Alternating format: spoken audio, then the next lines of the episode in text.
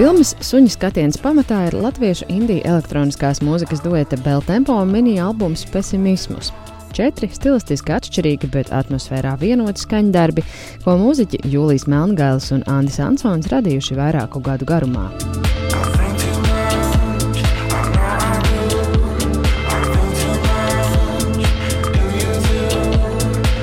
Sākumā gan nekādas domas par filmu nebija.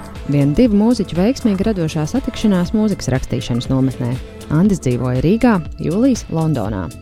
Ārpus Latvijas viņš bija dzīvojis jau desmit gadus, studēja mūziku un rīkoja koncertus. Albums tapa periodā no 19. līdz 21. gada beigām aptuveni. Pēdējā dziesma albumā es to īstenībā sarakstīju, kad man bija 18 gadi. Man bija tāds periods, kad es dzīvoju Londonā, un es ļoti bieži braukājis starp Londonu un Rīgu. Tā kā es atceros skaidri, ka es biju atgriezies Latvijā jau kuru reizi, un es domāju, cik ilgi es to darīšu. Man gribējās mājās. Man te bija draugi, attiecības, kuras es centos uzturēt, jo es negribēju zaudēt savu saikni ar Rīgu. Un ar maniem draugiem šeit bija tāda sajūta, ka es palaidu daudz ko garām. Un tā sajūta īstenībā ir paša albuma pamats, taisīt to albumu. Tas bija veids, kā tās sajūtas pārstrādāt. Atgriešanās Latvijā Es atgriezos tieši pirms Covid pandēmijas, 19. gada vidū. Un es to biju iztēlojies kaut kā bišķi savādāk. Es biju iztēlojies, ka es atgriezīšos un viss būs super forši. Un mūzikas karjera būs kaut kur tikusi tālāk, bet tā galīgi nebija. Bija visādi smagi lēmumi jāpieņem, lai atgrieztos mājās, un tad tu atgriezies, un tu gribi visus satikt, bet visiem dzīve ir gājusi uz priekšu. Un uh, vienīgais veids, kā es varēju pārstrādāt tās sajūtas, bija rakstot mūziku. Un tieši pirms es atgriezos uz Latviju, es biju saticis savu muzikālo kolēģi Andi Ansonu. Mēs tikāmies mūzikas rakstīšanas nometnē Riga Live, un tur mēs arī sarakstījām mūsu pirmo dziesmu Think Too Much. Pēc kuras izlaišanas es sapratu, ka man te kaut kas ir ar Andi, tas ir kaut kas īpašs. Un uh, es teiktu, ka tas bija liels iemesls atgriezties mājās, zinot, ka Man šeit ir projekts ar potenciālu.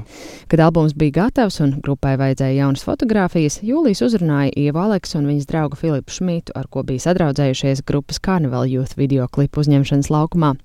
Filips ir fotogrāfs, Ieva pēc atgriešanās no studijām Londonā veidoja dažādus video darbus un eksperimentāls īsfilmas.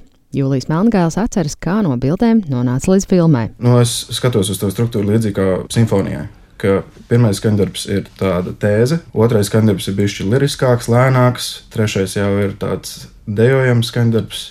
Un ceturtais ir tāds pavisam lēns, mierīgs kopsavilkums tam visam. Un man šķiet, ka, nu, ja es nekļūdos, Ieva, tad tev tas kaut kā bija šī uzrunāja. Un Ieva mm -hmm. uzreiz teica, ka es redzu filmu. Jā, bija tā, albums vēl nebija iznācis. Tas bija pāris mēnešus pirms tā. Un, tāpēc, kad es iepriekš biju jau taisījis mūzikas video, man likās, būtu ļoti interesanti izveidot kaut ko lielāku. Un tāpat laikā tas var būt saistīts ar mūziku. Tāpēc, ka tā mūzika bija tik ļoti kā stāsts, nu, kad albums bija ļoti vienots un secīgs. Tad, kad Jūlijas man viņu atsūtīja, bija sajūta, ka uh, viņu nevar dalīt daļās īsti tas būtu ļoti vērtīgi viņu pasniegt vienā gabalā, un tad attiecīgi es um, nedēļu meditēju uz šīs mūzikas, un Jūlijas man vēl prasīja, nu, vai tu kaut ko jau izdomāji? Mm. Es viņam teicu, lūdzu, pagaidi, man vajag mazliet laiku. Mm. Stāsta kodols atnāca, un mēs sapratām, nu, labi, tad ir jāķerās pie darba. Kādu stāstu jūs tur ieraudzījāt šo mūziku klausoties? Nu, Jūlijs jau bija pastāstījis to, ka tas viņam ir ļoti personisks projekts, un tas tēls, kā, kas dzīvo no šīs mūzikas, ir. Nu, nav gluži spogulis Jūlijam, bet kaut kāds arī tur uh, dvēseles radinieks, varbūt tāds cilvēks, kuram arī ir uh, spēcīgas emocijas, un pieliekot tur fantāziju, man bija sajūta, ka tas ir uh, jauns jūrnieks kas ir arī stāsta galvenais varonis, ir Jānis Jurnieks no Vecmilgrāvja, kurš ir uzaugusi tādā industriālā vidē. Tāpat laikā ir uh, liels sapņotājs un fantazētājs, un tā viņa karjera, ko viņš ir izvēlējies, lai arī ir piemērota viņa tādai vientuļnieciskajai dabai, tādam vientuļajam vilkam. Viņš tāpat laikā ir uh, liels romantiķis un uh, sevi atrod situācijās, kur uh, tā viņa būtība tiek kaut kādā veidā izaicināta. Un tad uh, no tā filmā ir attainots tāds viņa pieaugšanas stāsts no brīža, kā viņš dzīvojās pie vecmēlgrāvja ar saviem draugiem. Tad studē, un tad viņam ir viņa mīlestības, studiju pārdzīvojumi, un tad šī mūzika ir ieskats dažādos šajos dzīves periodos, un katrs skaņdarbs arī parāda tās viņa emocijas šajā laika periodā. Un kāpēc um, suņa skatiens? Jā. Suņa skatiens nāca no tā, tātad angliski tas saucās A Dog's Gaze. Ir jūrniecībā tāds termins dog watch, ka tu esi uz kuģa. Katram kuģa apkalpes loceklim, kas strādā kapteiņa komandā, ir jāstāv uz komandas tiltiņa un jāpārauga vienkārši, lai kuģis ir tiek pieskatīts, tā teikt. Un uh, ir tāds viens laika periods, ko neviens negrib, un to parasti šo laiku dod pašiem jaunākajiem kadetiem jūrā.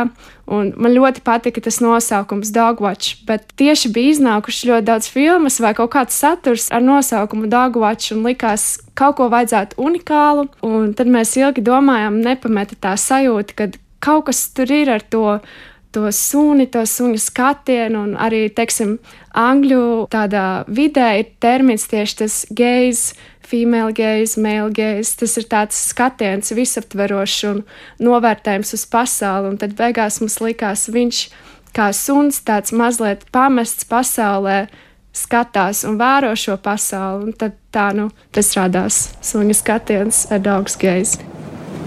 ar, tā, kad grib iedzert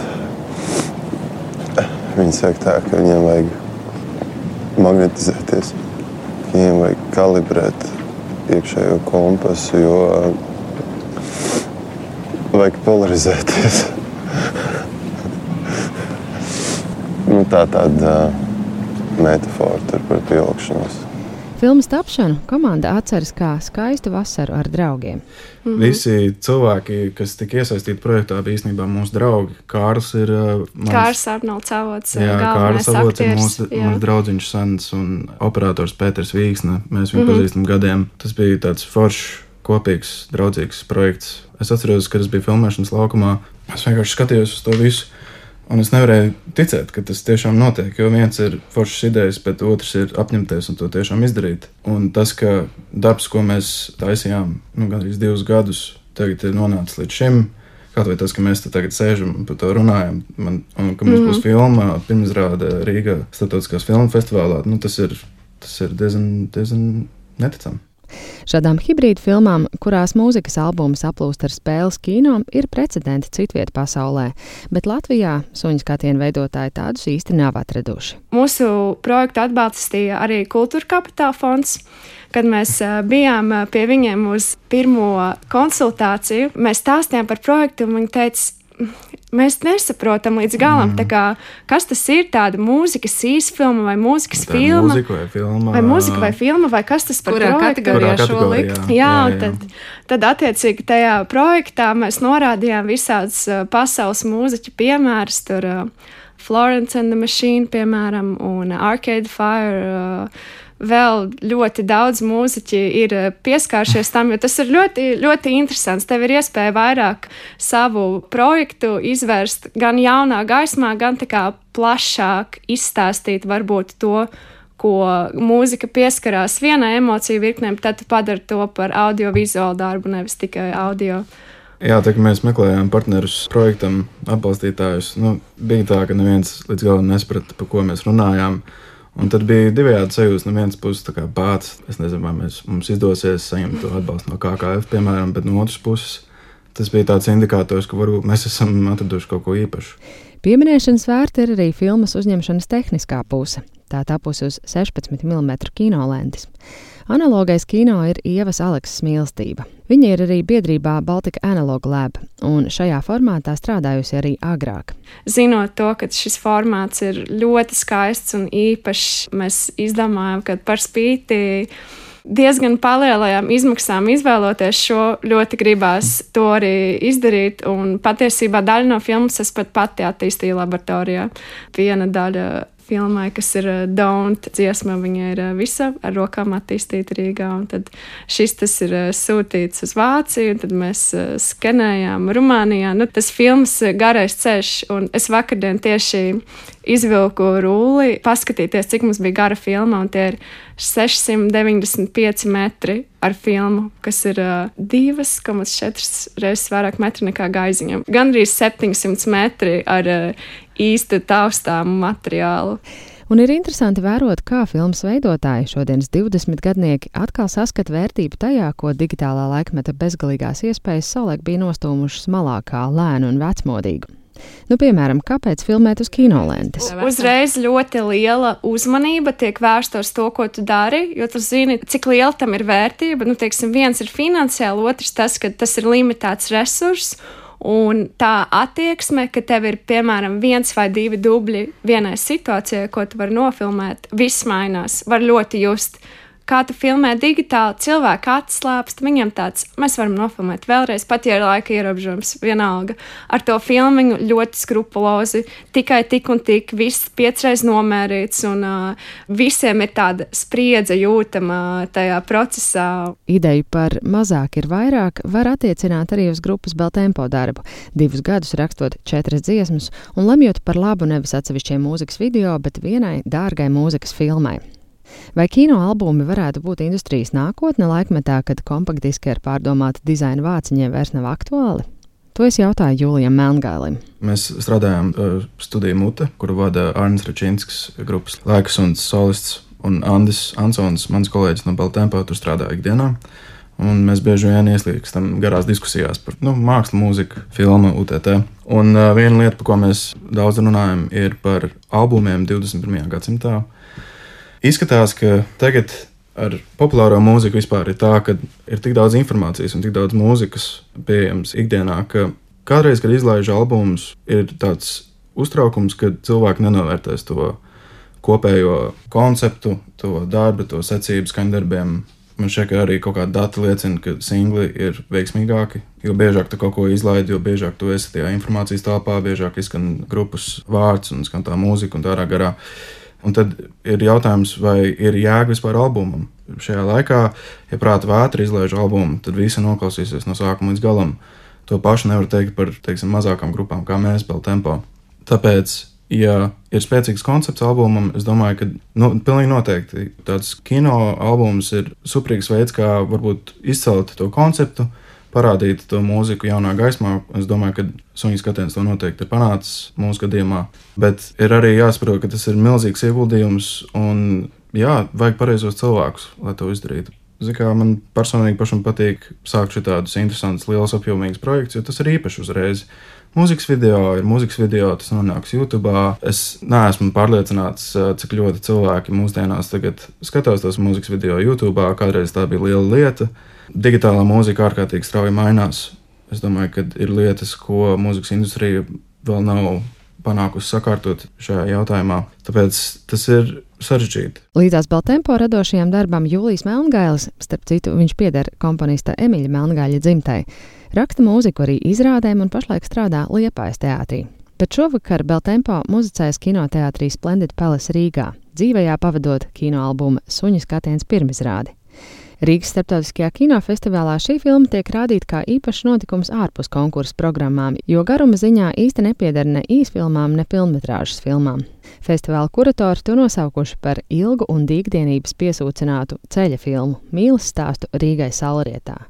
Turpina viena no festivāla veidotājām Dārta Ceriņa. Tie ir arī daudz arī mākslinieki, kas satikušies, jo īpaši arī Ieva Aleksa Filips Šmits un Julijas Melngāls. Viņi ir studējuši arī ārzemēs, Lielbritānijā. Tad, tad tas ir pilnīgi cits skatījums. Esot ārpus Latvijas kādu laiku atgriežoties atpakaļ, īpaši Rīgā, kā šī pilsēta tiek ieraudzīta citu paleti ar citu tekstūru, faktūru, citu skanējumu. Un kā tās pašas ielas vai šajā gadījumā arī Rīgas, teiksim, tāda apkaimju, arī dzīve tiek ieraudzīta krietni citādāk. Dārta Ceriņa izceļ arī filmas komandas netipisko pieeju kino veidošanai, apvienojot analogā kino tehniku, elektronisko mūziku un jauna cilvēka pieaugšanas sajūtu tveršanu. Mūzikas vai kino tīrāku aizpogulī vai simbiozi mēs asociējam, protams, ar koncertu filmām, kur arī aizkulisku varbūt ieraksti ir vēl kaut kādas atsevišķas choreogrāfijas, vai ir kaut kāda mūzika hola vai mūzikla savā ziņā, bet tādi teiksim, vizuālie albumi, kā īsfilmas, vidējās metrāžas filmas, tas ir kaut kas, kas pamazām nāk arvien biežāk, un tas ir īpašs veids, kā, protams, es domāju,